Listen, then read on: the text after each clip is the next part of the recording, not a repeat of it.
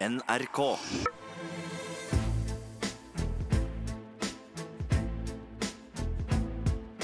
Trump mot verden med Gjermund Eriksen og Sean Henrik Matheson. Dear Chairman Burr and Chairman Schiff, I'm reporting an urgent concern in accordance with the procedures outlined in 50 USC 3033 K5A. This letter is unclassified when separated from the attachment. In the course of my official duties, I've received information from multiple U.S. government officials that the President of the United States is using the power of his office to solicit interference from a foreign country in the 2020 U.S. election. This interference includes, among other things, pressuring a foreign country to investigate one of the President's main domestic political rivals. Å, Gjermund Eriksen, hva var det vi hørte her? Frysninger på ryggen. Det var eh, brevet fra varsleren som har forårsaket riksrett. Undersøkelsene som vi nå har. Oh. Og Det er som å høre åpningen på en spionroman eller en politisk thriller, eller rett og slett åpningen på en serie, eh, slik den ble lest. Og det var jo da spilt av på Rachel Maddow Show i går kveld, eh, og hvor det er et eller annet forlag som har spilt inn dette gratis for internett, lest av en überprofesjonell thrillerbokleser. Ja, det er helt uh, nydelig. Kjære deg, eh, velkommen til denne ukas episode av podkasten Trump mot verden. Det er veldig hyggelig at du har lastet den ned og hører på. Jeg heter Sean Henrik Matheson. Gjermund Eriksen sitter her sammen med meg, selvfølgelig. Du hørte akkurat stemmen hans. Dette er en podkast om Donald Trump, om hans Amerika, om hans verden og om hans kamp mot verden. Vi oppsummerer de viktigste sakene som kommer fra Det hvite hus i løpet av uka. For en uke, Gjermund! Ja, vi mener jo det. Ja. Altså, vi mener jo at det kanskje har skjedd eh, store ting denne uka. Ja. Eh, Donald er ikke helt enig. Nei, han, han tyder på Han syns det er helt greit, liksom. ja. Perfect phone call with the president of Ukraine. Uh, everybody knows it. It's just a Democrat witch hunt. Here we go again. They failed with Russia. They failed with recession. They failed with everything. And now they're bringing this up. The one who's got the problem is Biden. Because you look at what Biden did. Biden did what they would like to have me do, except for one problem. I didn't do it. Biden, Biden, Biden, Biden! Ja, dette må vi snakke om. Ja, Vi er nødt til å snakke om det. Vi mener Donald eh, kanskje, dette sier han jo onsdag morgen, eh, at det er her er det ingenting. Og jeg tror at eh, de tre sakene vil bære preg av at Donald tar noe feil. Vi skal komme dit, eh, Gjermund. Jeg bare sier det, jeg har lyst til å si det for en gangs skyld. holdt jeg på å si. Det er fredag formiddag eh, 27. september, og jeg sier dette fordi det kan skje veldig mye på kort tid. Ja. Eh, Så dersom eh, Trump går av eh, i løpet av de nærmeste minuttene, så vet du i hvert fall når denne podkasten er spilt inn. Det var, det var en fleip og ikke en spådom. Nei, nei, nei. Den største frykten det er bare viktig å puste med magen, alle sammen. Vi, har, vi har ikke spådd hans avgang, eh, men det er veldig mange som ikke spådde at han kunne bli valgt. Nei. Og etter det så er det veldig mange som har spådd hans avgang. Og det gjorde vi ikke, men vi fleipa med det. På dette tidspunktet. Men det er nærmere nå enn det det var eh, for to dager siden. Nå er i hvert fall alt som det pleier i Det hvite hus. Akkurat nå fullstendig kaos, men han sitter fortsatt som eh, president. Gjermund, du er serieskaper, Aber Bergen og Mammon eh, blant annet. Når du ikke skriver TV-serier, så bruker du veldig mye tid på amerikansk eh, politikk. Det er dag 980 av hans eh, presidentskap. Taper han, så er det 480 dager igjen. Ja. Ja. Vi starter med uka som har gått. eh, Gjermund, tre ting vi skal snakke om i dag. Nei, det blir jo øh, viktigst er, for Gjermund er å ikke få overtenning. Fordi jeg mener, Ja. på der de fleste andre syns det er en kjedelig uke, det syns jeg er utrolig spennende. Mm. Og dette er uh, litt sånn historiebøkeraktig. Ja. Men vi må snakke om impeachment. Ja. Altså hva er det som har skjedd? Uh, og bare for å få frem alvoret, vi må snakke om impeachment. Hva det er, og hva som vil skje. Altså, det er to ting, uh, syns jeg. Og så er det viktig, fordi om dette avgjøres til slutt et eller annet sted i Senatet. Om det noen gang blir en riksrett, og hva dommen blir, så blir det alltid avgjort der. Og der er sjefen Mitch McConnell, og han trenger vi også å snakke om. Eh, og ikke bare knytta til denne saken her. Det er flere juicy ting som har skjedd med den eh, de siste tre månedene. Det gleder jeg meg veldig til å høre om. Eh, Tre ting vi ikke skal snakke om. Det er eh, den spionsaken vi lovte forrige Ja, uke. vi Fordi det. den var utrolig, er utrolig spennende. Det er også slik at jeg har møtt min største, en av mine største helter. En spionforteller. Ah. Altså Han som har lagd Homeland. Ja. Howard Gordon. Han har snakka med Barack Obama. Han har fått intervjua utrolig mye etterretningsledere gjennom sitt eh, liv som forfatter. Det kan vi ikke snakke om i dag. Vi er nødt til å utsette det en uke. Det er ikke så rart. Nei, det, ikke, nei, det tror jeg han ville være helt enig i. Ja. så kan vi vi skal ikke gi Thunberg og Trump så, eh, Ikke pga. Thunberg, men altså Trump eh, som da til slutt selvsagt bruker Thunberg for det hun er god på, nemlig å gi mye positiv oppmerksomhet til miljøsaken. Så der tenker Trump dette må rives ned. Mm. Her kan jeg få oppmerksomhet. Det orker vi ikke. Nei, ikke akkurat i dag, men eh, Nei, jeg syns må, eh, Eldre menn som eh, mener mye om 16 år gamle damer, har jeg issues med. Altså Hvis man ikke kan bare omtale det litt sånn respektfullt. jeg skjønner eh, hva du mener. Ja, og så er det hvordan det går med demokratene. Det, det har skjedd spennende ting der òg, men det har, det har virkelig uh, roa seg ned. Okay. Hva er dette her i TV-serieverdenen, Gjermund?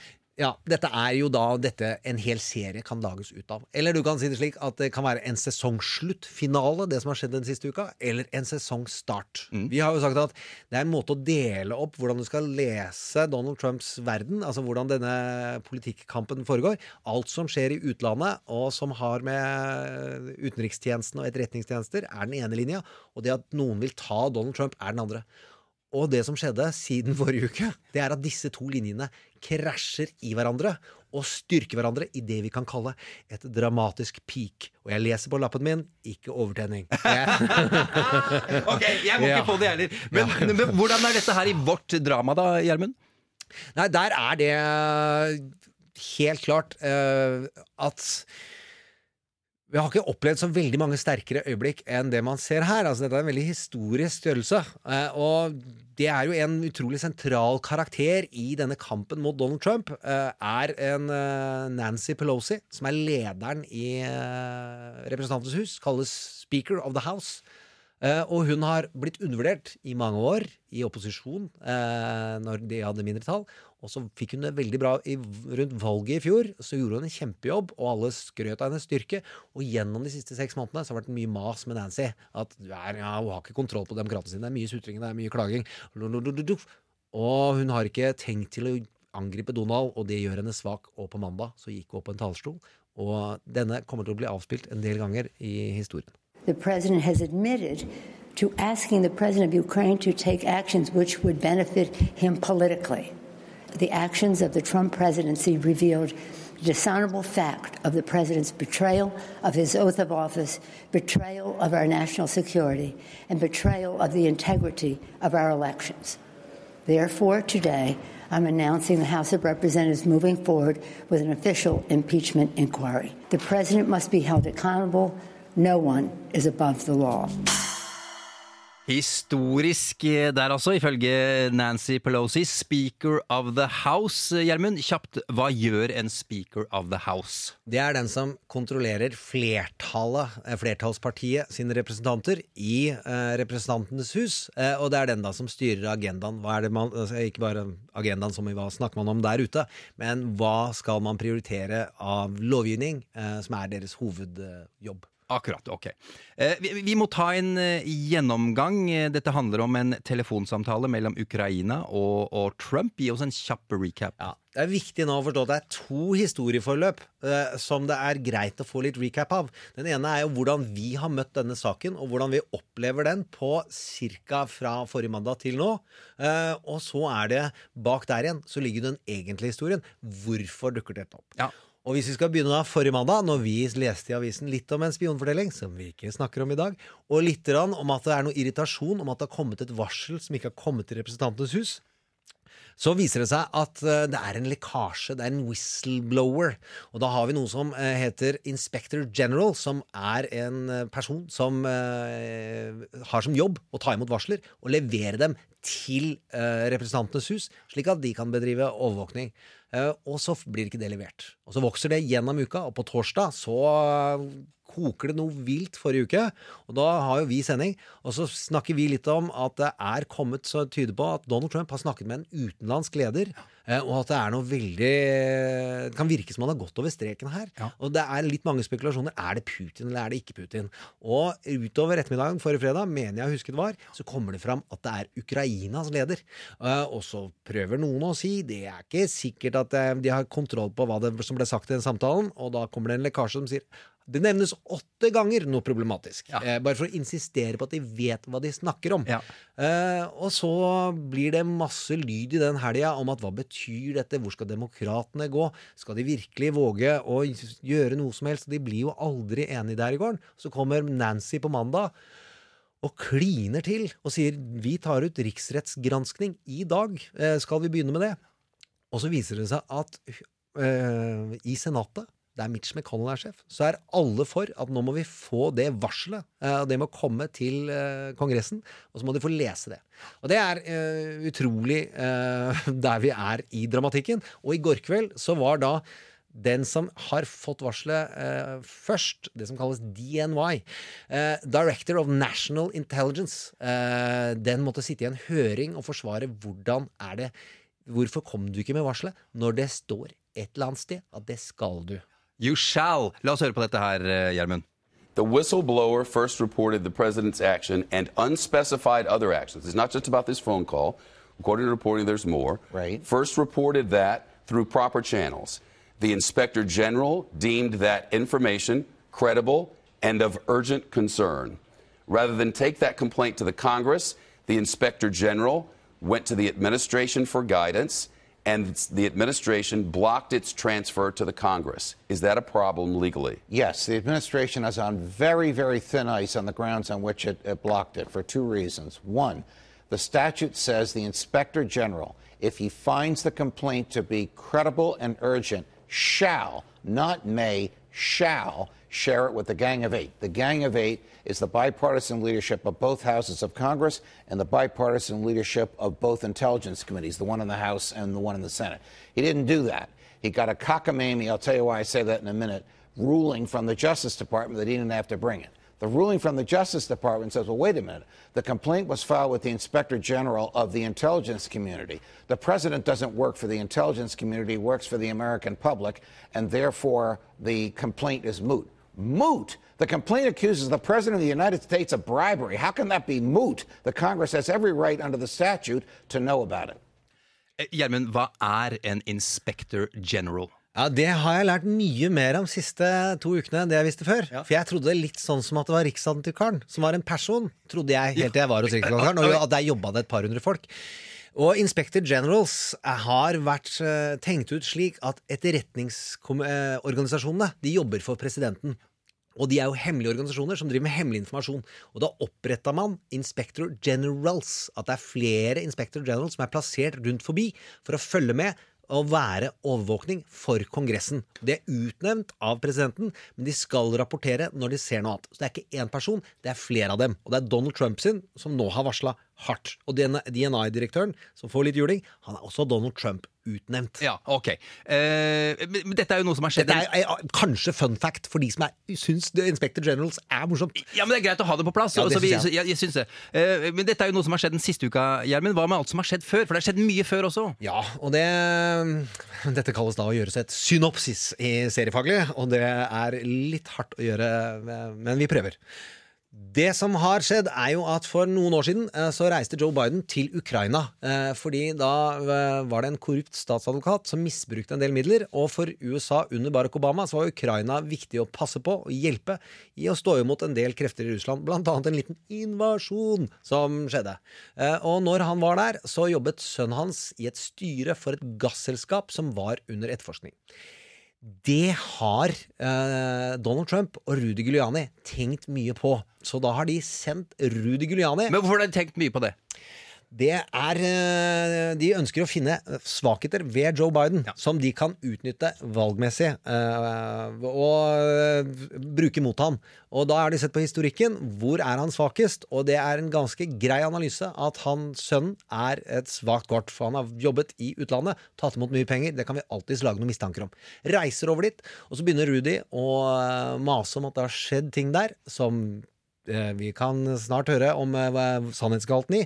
Uansett eh, så eh, ber Donald Trump denne ukrainske eh, nye presidenten om å hjelpe hjelpe Rudy Giuliani med å etterforske Biden hvis han er interessert, og her kommer vi med det virkelige impeachment-hoppet, hvis han er interessert i å få eh, mer militær hjelp, eller bi, eh, pengemessig bistand, som Donald Trump har, viser seg, har holdt igjen for å kunne presse med dette. Nettopp. Eh, skal, vi, skal vi høre hvordan Don har det nå for tida, syns du det? I forhold til disse varslerne, eller varselen, varsleren og de, han har fått hjelp av? Jeg tror det er alltid greit å høre med hvordan han mentalt eh, er til stede i situasjonen. Ja, ja ok, fint. Hør på det her. Det, her er det litt dårlig lyd, så, så du må følge godt med, du som hører på. Who's the person who gave the whistleblower the information? Because that's close to a spy. You know what we used to do in the old days when we were smart, right? The spies and treason.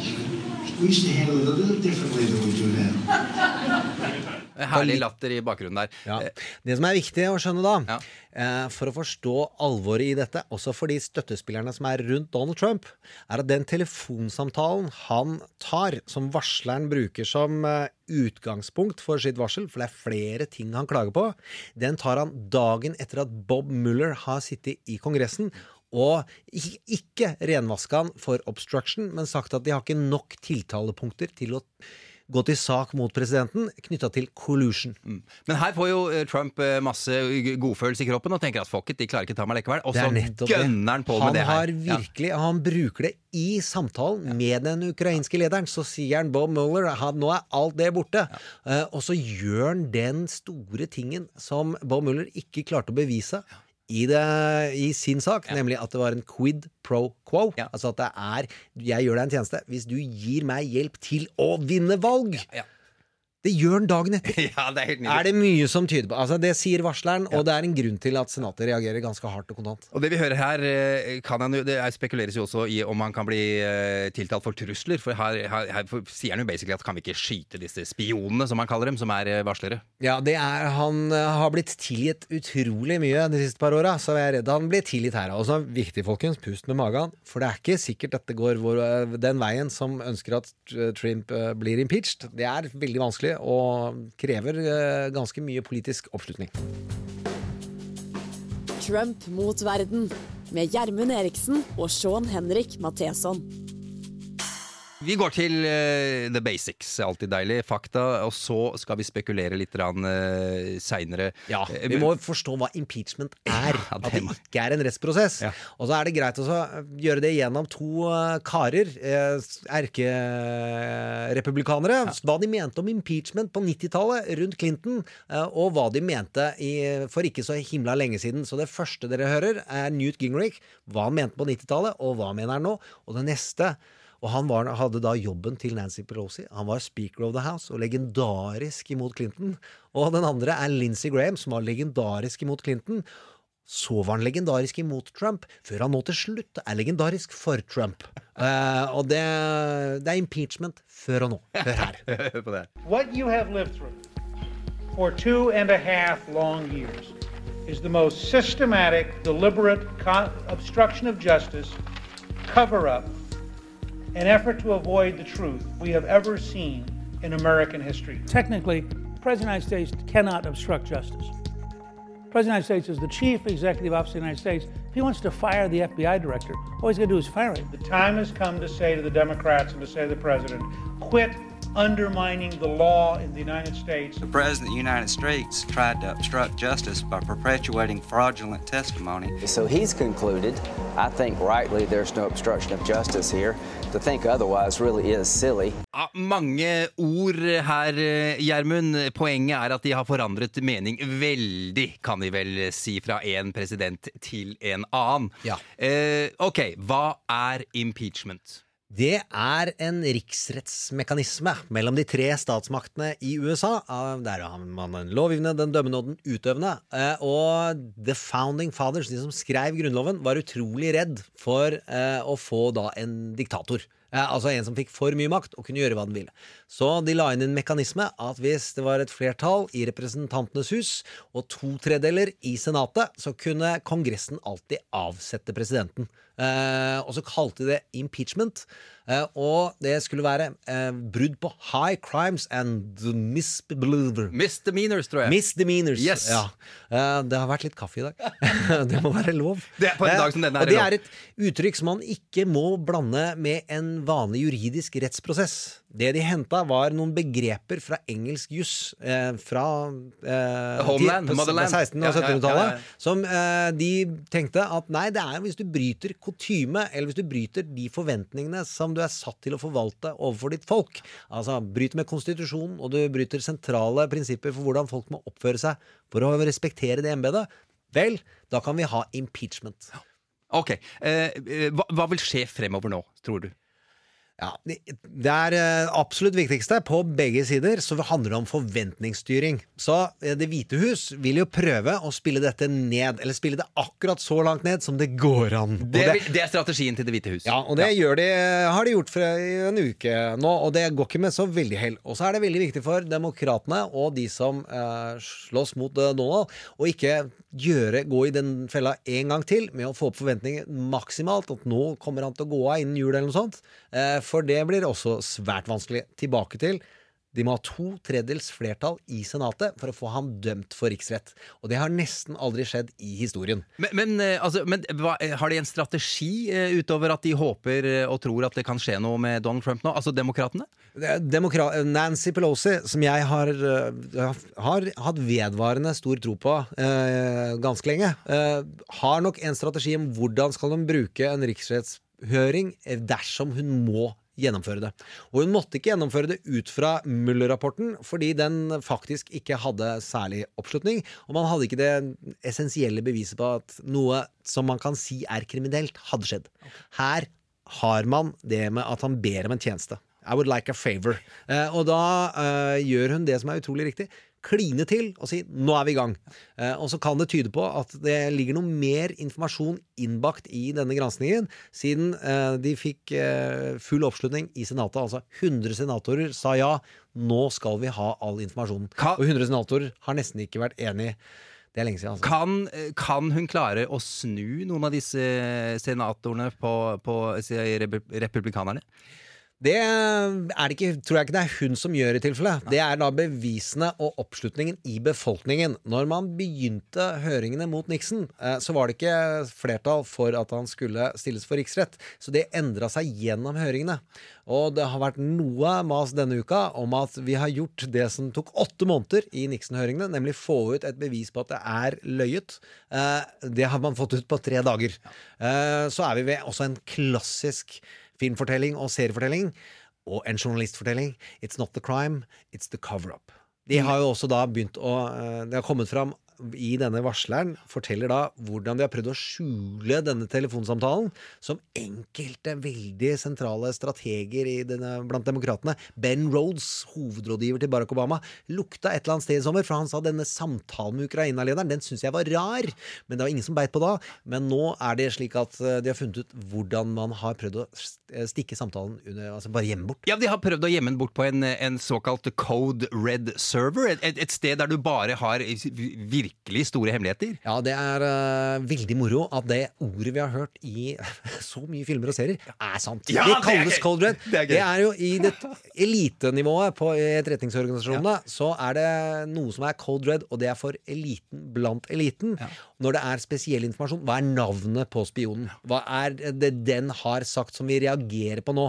Det er de ekstremt nøye, og det legges på en egen server.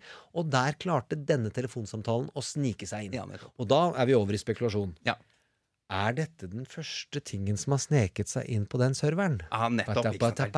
Og det er der etter eh, demokratene har øynet muligheten. Er det mer enn uh, inne på dette Code Red-verden? Og da er vi tilbake i Nixon-verden, hvor de har noe informasjon, og så kommer Representantenes hus til å stange på og kjøre på, og de vil ha det. Og så er det Høyesterett som avgjør. Men er det å, å kjøre denne samtalen inn på den Code Red-serveren, er det the cover-up? Det er blant annet cover-up. Er bare- Eh, Blant annet bare intensjonen, for da vet de at det var noe galt med samtalen. Eh, og at det var tolv mennesker som hørte på, sto det i varselbrevet. Eh, og alle de er ikke gått fri. Eh, og flere av dem, hvis man hørte på høringa i går med han DNI, den etterretnings, eh, nasjonale etterretningssjefen, han la seg lavt, for å si det forsiktig. Og han hyllet varsleren. Han hyllet varslingssystemet. Han hyllet Inspector General-systemet. han Alt han gjorde, var å adlyde den øverste herres ordre.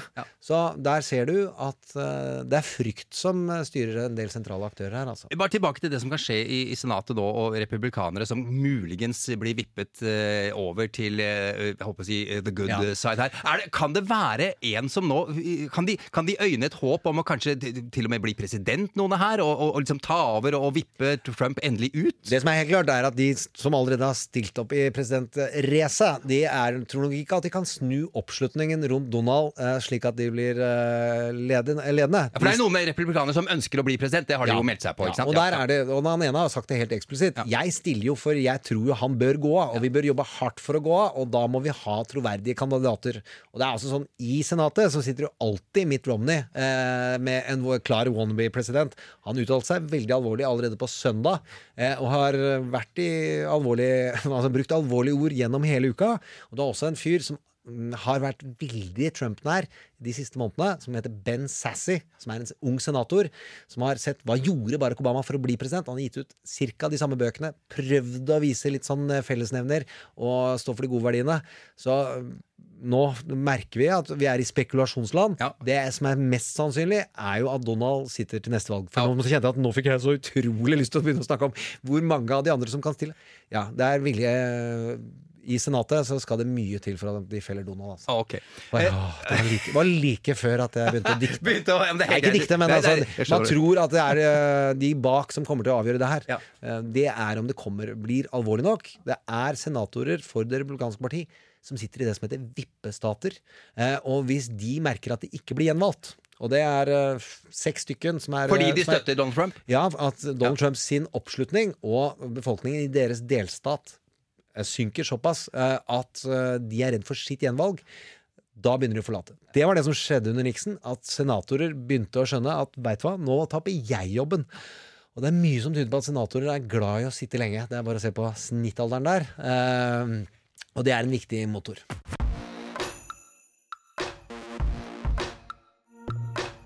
Trump mot verden. Så Gjermund, vi vet hvor dette lander, altså i Senatet, men vi vet ikke hvordan det ender. Nei, og det henger veldig mye på en uh, som man kan diskutere om er den nest eller den tredje mektigste i USA, Mitch McConnell. Ja, oh, ja, nå skal vi snakke om en knirkete gammel mann. Han er majoritetsleder for republikanerne i Senatet. Eh, Det kammeret der hvor republikanerne har flertallet. Demokratene har flertallet i Representantenes hus. Kjapt, det har vært fint. Hva er forskjellen på de to kamrene, Gjermund? Ja, kom igjen. Nå er det ny eksamen. Kom igjen. Jo, vi skal gjøre det veldig enkelt, men gi et greit bilde, så er det forskjell i tempo. I det ene så sitter du i to år, og de eh, kontrollerer også da eh, i utgangspunktet budsjettene, hvordan pengene kommer. I det andre så sitter du i seks år. Og da sitter du lenger, og du får andre prosesser. Og der er det bare 100. Og i Senatet så er det 100 senatorer til 50 delstater, med andre ord to fra hver. Eh, og tanken med det er at de skal tenke langsiktig og tenke på nasjonale interesser. Mens i Representantenes hus så sitter du to år av gangen, og du sitter for folka dine der du kommer fra. Og de skal du slåss for som milde helsike. Det er nydelig! Det er nydelig. Ok, eh, Og hvorfor skal vi snakke om Mitch McConnell? Det er fordi han er utrolig mektig og avgjørende i det neste som kommer. Eh, Det er jo, han er kjent som en av de store maktspillerne. Han, når Barack Obama ble valgt, eh, så sa han um, hovedjobben min er å få han til å bli en one term president. Han er eh, også kjent for da å blokkere Obamas høyesterettsutnevnelse, som alle sa var en klin skandale. Men siden han mener at makt rår, og han er veldig flink med det, og tenker kjempelangt, eh, og har skrevet en bok som heter et eller annet med å tenke langt One, det det er så farlig. imponerende. Ja, det er ikke så farlig. Ok. Eh, Mitch eh, gikk på en liten smell eh, før eh, sommeren. Eh, Han var lite fornøyd. Han ble nemlig merket, altså brennmerket, vil noen kanskje si. Ja, og det er jo da denne fyren som er kjent for uh, å kalles skilpadde, fordi at han uh, beveger seg sakte, men uh, kommer alltid fram, eh, og ikke har så mye følelser. Han blir emosjonelt berørt av noe utspill. I don't normally take the time to respond to critics in the media, when they have no clue what they're talking about. But this modern day McCarthyism is toxic. Over the last several days, I was called unpatriotic, un American, and essentially treasonous by a couple of left wing pundits. The smear that I am, quote, a Russian asset ran in the opinion pages of the Washington Post. The accusation that I am, quote, un American was broadcast on MSNBC. This is the state, Mr. President, of left wing politics in 2019. Å, han er dypt krenka, Gjermund. Ja, det er den. Og det han kalte left wing pundits, er jo Joe Scarborough, som en, eh, var en republikaner, vært i Representantenes hus og er en kjent mediepersonlighet. Uh, som meldte seg ut av det republikanske parti uh, i fjor. Men ingen venstrevridd mann, akkurat. Men fordi Mitch har holdt igjen eh, noen penger i forhold til hvor mye Russland Altså hvordan man skal forhindre at noen blander seg inn i valget, f.eks. fra Russland. 100, 250 millioner dollar. Hva, hva, hva, hva mener du? Holdt igjen penger? Han har, han har, da nektet å vedta noe som Representantenes hus og flertallet av senatorene i Senatet ønsker, nemlig å bruke 250 millioner dollar til å beskytte valgurner og digitalt og slikt. Akkurat. Det provoserte uh, den godeste Scarborough, og så provoserte det veldig at han uh, har da gjort det slik at en oligark som var med å finansiere denne valgpåvirkningen som skjedde i 2016, den har havnet på en svarteliste. Han blir fjerna fra svartelista, og så putter han masse penger inn i hjemstaten til Mitch McConnell. Oh! Ja. Og da eh, kommer Joe Scarborough eh, i en sending, så høres han slik ut. I want to talk about Moscow Mitch. Moscow Mitch says it's a hoax. How can Moscow Mitch uh, so so willingly turn a blind eye. Moscow Mitch won't even let the Senate take a vote on it. That is un-American. He's Moscow Mitch. Han, han, vi har ikke alle Han sa det 16 ganger i, i den talen. Vi har ikke med alle sammen. Ja. Unødvendig å spille alle 16. Og det, eh, så kan man også nevne at han, har, han, er gift med en minister i Donald Trumps regjering, så det er ganske blanda, blanda der òg. Det har vi i Norge også, folk som er på flere sider av bordet. Mm. Eh, og det er greit at de er gift og jobber slik. Men hun også har da finanser som går inn i hennes firmaer, og hvor hun kom fra bakgrunnsmessig, hvor det både knyttes til Russland og til Kina, og som har utfordringer. Og så er vi det jeg syns er spesielt interessant. Okay. Og det er at for uh, veldig kort tid siden, altså en uke, uh, og da er det etter at uh, man har begynt å få høre om denne varsleren og ting har stoppet, altså at etterretningslederne, the gang of eight, uh, de som er leder av komiteene i Senatet og Kongressen, har begynt å få høre at det er noe veldig rart med det varselet, mm. da går Mitch ut og sier uh, OK, jeg tar tilbake det der med å holde igjen pengene. 250 millioner dollar, ja, ja. ja det skuffer vi gjennom nå. Okay. Jeg innrømmer det. Han innrømmer det? Nei, altså han innrømmer ingenting, nei, nei, nei. men han lar da de få de pengene for ja. å beskytte det neste valget. Uh, og det kan tyde på da mulig å tolke det som at han skjønner presset de er under nå, og at det ikke kan være så mye mer slinger i valsen enn den enorme slingeren Donald valsa over med, i telefonsamtalen okay. med den ukrainske magnisten. Han har liksom skjønt at ok, nå er det så mye heavy shit her som skjer, at nå må jeg rydde opp litt i mine egne greier. Jeg tror han helgarderer, ja. Eh, og han har sørga for at Senatet ber om all informasjon skal komme til seg. Det er 100 senatorer jeg sier det igjen, 100 senatorer har ikke vært enige på utrolig lenge. Uh, og det har han kontroll på. Det er tilfelle, tilfellet det er noe som det går til helsike med Donald, mm. så skal jo Mitch skal bestå. Men, okay. Skal bestå. Ja, klarer han å stå imot presset, tror du? Eh, altså, han klarer å, ja. han vil velge det som gjør at, liksom. han ja. vil gjøre det som gjør at Mitch blir senator neste gang òg. Uh, og det som er størst sannsynlighet for at republikanerne har flertall i Senatet.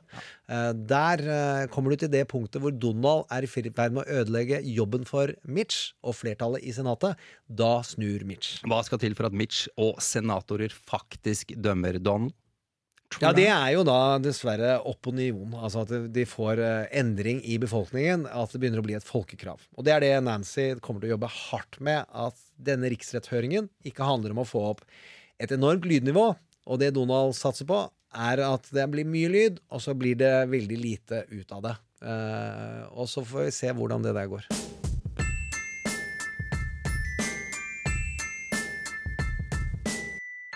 Trump mot verden. Eh, Gjermund, eh, vi skal til ukas eh, karakter. Før vi avslører hvem det er, kan du ikke fortelle litt om, om hvem vi skal høre? Jo, tenkte at det er veldig bra også å få snakka om en av de mest respekterte journalistene i, i USA, som det vi kan kalle mainstream, ofte går til når man skal skille skitt og kanel, og som har stått opp mot makta på beundringsverdig vis. Just based on the things that the president has admitted. The president's admitted that he made a phone call to the new president of Ukraine. The president has admitted that he had discussions about uh, investigating his upcoming 2020 primary uh, 2020 presidential rival. Based on that, in and of itself, how serious is this matter for the nation and the democracy, legally speaking? When Bob Mueller made his findings that the obstruction of justice is a, it could be an impeachable offense, that's equivocal. Bribery absolutely is an impeachable offense. There's no equivocation. Why do I say that? Because it's stated in the Constitution. The bases for impeachment treason, bribery, or other high crimes and misdemeanors. Based on your knowledge, historically and otherwise, of legal matters related to the presidency, how big a day is this? Perhaps it's, uh, it's uh, monumental in terms of where we're going to go from here. We'll know about that when we hear from Mrs. Pelosi in a little bit. Her hørte vi to stemmer. Eh, programlederen heter Shep Smith, og det er ukas karakter, Gjermund. Ja, og det er Fox News. Tenkte at det er viktig også å ta vare på stearinlys som står i mørkerom. Ja, det var litt Fox-dissing Fox Oh, ja, det er helt greit. Det er men. Nei, men Shep Smith har jobba lenge med nyheter. Ja. Og har uh, virkelig ikke blitt tatt noe spesielt med buksene nede, eller stå for det som er propagandabeinet til Fox News. Uh, Han jobba der siden et eller annet på slutten av 90-tallet. Uh, Og 96, vokst i Mm. tror jeg. 96, ja. Troverdigheten har vokst, eh, og han har hatt egne veldig populære programmer og rapportert med. Og er nå jeg tror han er sjefredaktør for det som kalles Breaking News Division. Så, som, det er en betydelig fyr som da taler Sean Hannity. Og det som eh, nøkterne mennesker vil kalle klin koko kommentatorer på kveldssendingene. Midt imot. Altså, det de driver med, det er underholdning. Jeg jobber ikke med det de holder på med. I det hele tatt. For han er nyhetsmann, han er nyhetsmann Også de andre er jo meningsbærere, ikke sant? De som Ja. gjerne ofte forbinder med, med Fox News, ikke sant? Ja. Og de eh, siste årene så har han stått ordentlig imot Donald Trump når det har rydda opp i hva som ordentlig er Det er jo mye å rydde opp i, i hva som er løgn og hva som er sannhet. Og den andre vi hører, det er judge Napolitano. Eh, og han var en kjent eh, Han er jo kjent dommer, derfor navnet, men en Fox News-prater som var veldig hissig på Obama. Og gikk alle, Han var veldig prinsipiell og har mm, ikke gjort noe sånn kjempegalt. Han er veldig underholdende og jeg synes det er interessant å høre på over lang tid.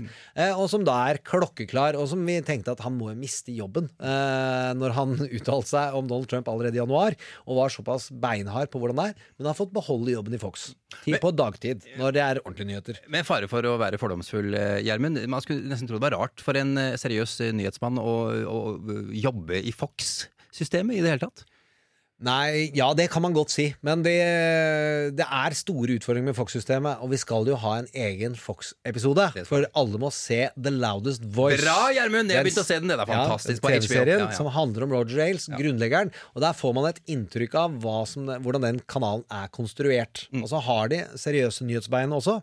Det som er interessant det siste døgnet, er at forfatteren av boka den serien bygger på, hans kilder inni Fox News, og der har han gode kilder, sier at sønnen til Rupert, Murdoch, nå begynner å posisjonere selskapet for tilfelle Donald Trump ikke blir president i neste runde, eller at dette endrer seg. Men hva, hva slags posisjonering hva han gjør da? Altså skal bli mer, mer, mer pro-demokrati det er at Shep Smith må få snakke så ofte Mer, han kan. akkurat, Nei, det er ikke mer, det tror jeg ikke, men altså, de skal klare å ha to meninger. Ja. Jeg tror det er der det begynner. Altså at De vil synliggjøre de overtrampene som har vært der. Eh, og så peker denne forfatteren av boka som serien bygger på, men som også er en journalist i New York Times og NBC, tror jeg, hvor han er, eh, uttaler seg mye, at eh, Paul Ryan Hvem er det igjen? Ja, hvem er det igjen? Det er nettopp. Det er den samme som Newt Gingrich og Nancy Pelosi. Den tidligere speakeren of the House, Yes. som virkelig var imot Donald, før han måtte være for Donald, og så bare tok ikke gjenvalg og rei eh, ut til store pengesekker i lobbybransjen. Han har gått inn i styret i Fox News, eh, og det Gabriel som han heter, denne forfatteren, til fornavn. Han sa at Paul Ryan har jobbet hardt for å posisjonere selskapet. Eh, etter at Roger Hales er død, så er det mulig å dra det i ulike retninger, og han ønsker at det må forberede seg på et liv etter Trump. Og det er virkelig, syns jeg var en utrolig sterk nyhet som kom i går kveld. Trump mot verden med Gjermund Eriksen og Sean Henrik Matheson. Vi skal eh, runde av, men eh, vi har jo Vi kunne ha holdt på, for å si det sånn. vi, vi aner ikke åssen det har gått nå, Ja. vet ikke hvordan ståa er akkurat nå, men ok, vi skal runde av likevel. Jeg tror at man skal snakke om etterretning neste uke uansett. Eh, og karakteren eh, Donald Trump. På etterretningssida så er jo dette knytta til at det er etterretningslederen og inspector general, og at varsleren tydeligvis har en solid etterretningsanalytisk bakgrunn med god sans for alvorlig juss. Det tyder dette varslingsbrevet for, på, og hva av det kan ha store presidentkonsekvenser. Og på onsdag, tenk at jeg ikke har fått snakka om det engang, så møtte jeg skaperen av Homeland! Og jeg har fått intervjua han, jeg har fått snakka med han. Han som har lagd flere fiktive presidenter og visepresidenter på TV i verden som folk har sett på. Eh, og det har jeg ikke fått snakke om, eh, og det må vi snakke om neste uke. Eh, og Donalds karakter, som han hadde også tydelige meninger om. Gå inn og rate oss på iTunes, det hadde vært veldig hyggelig. Her er dette Veldig hyggelig. Veldig Veldig hyggelig. Veldig hyggelig. Trump mot verden med Gjermund Eriksen og Sean Henrik Matheson.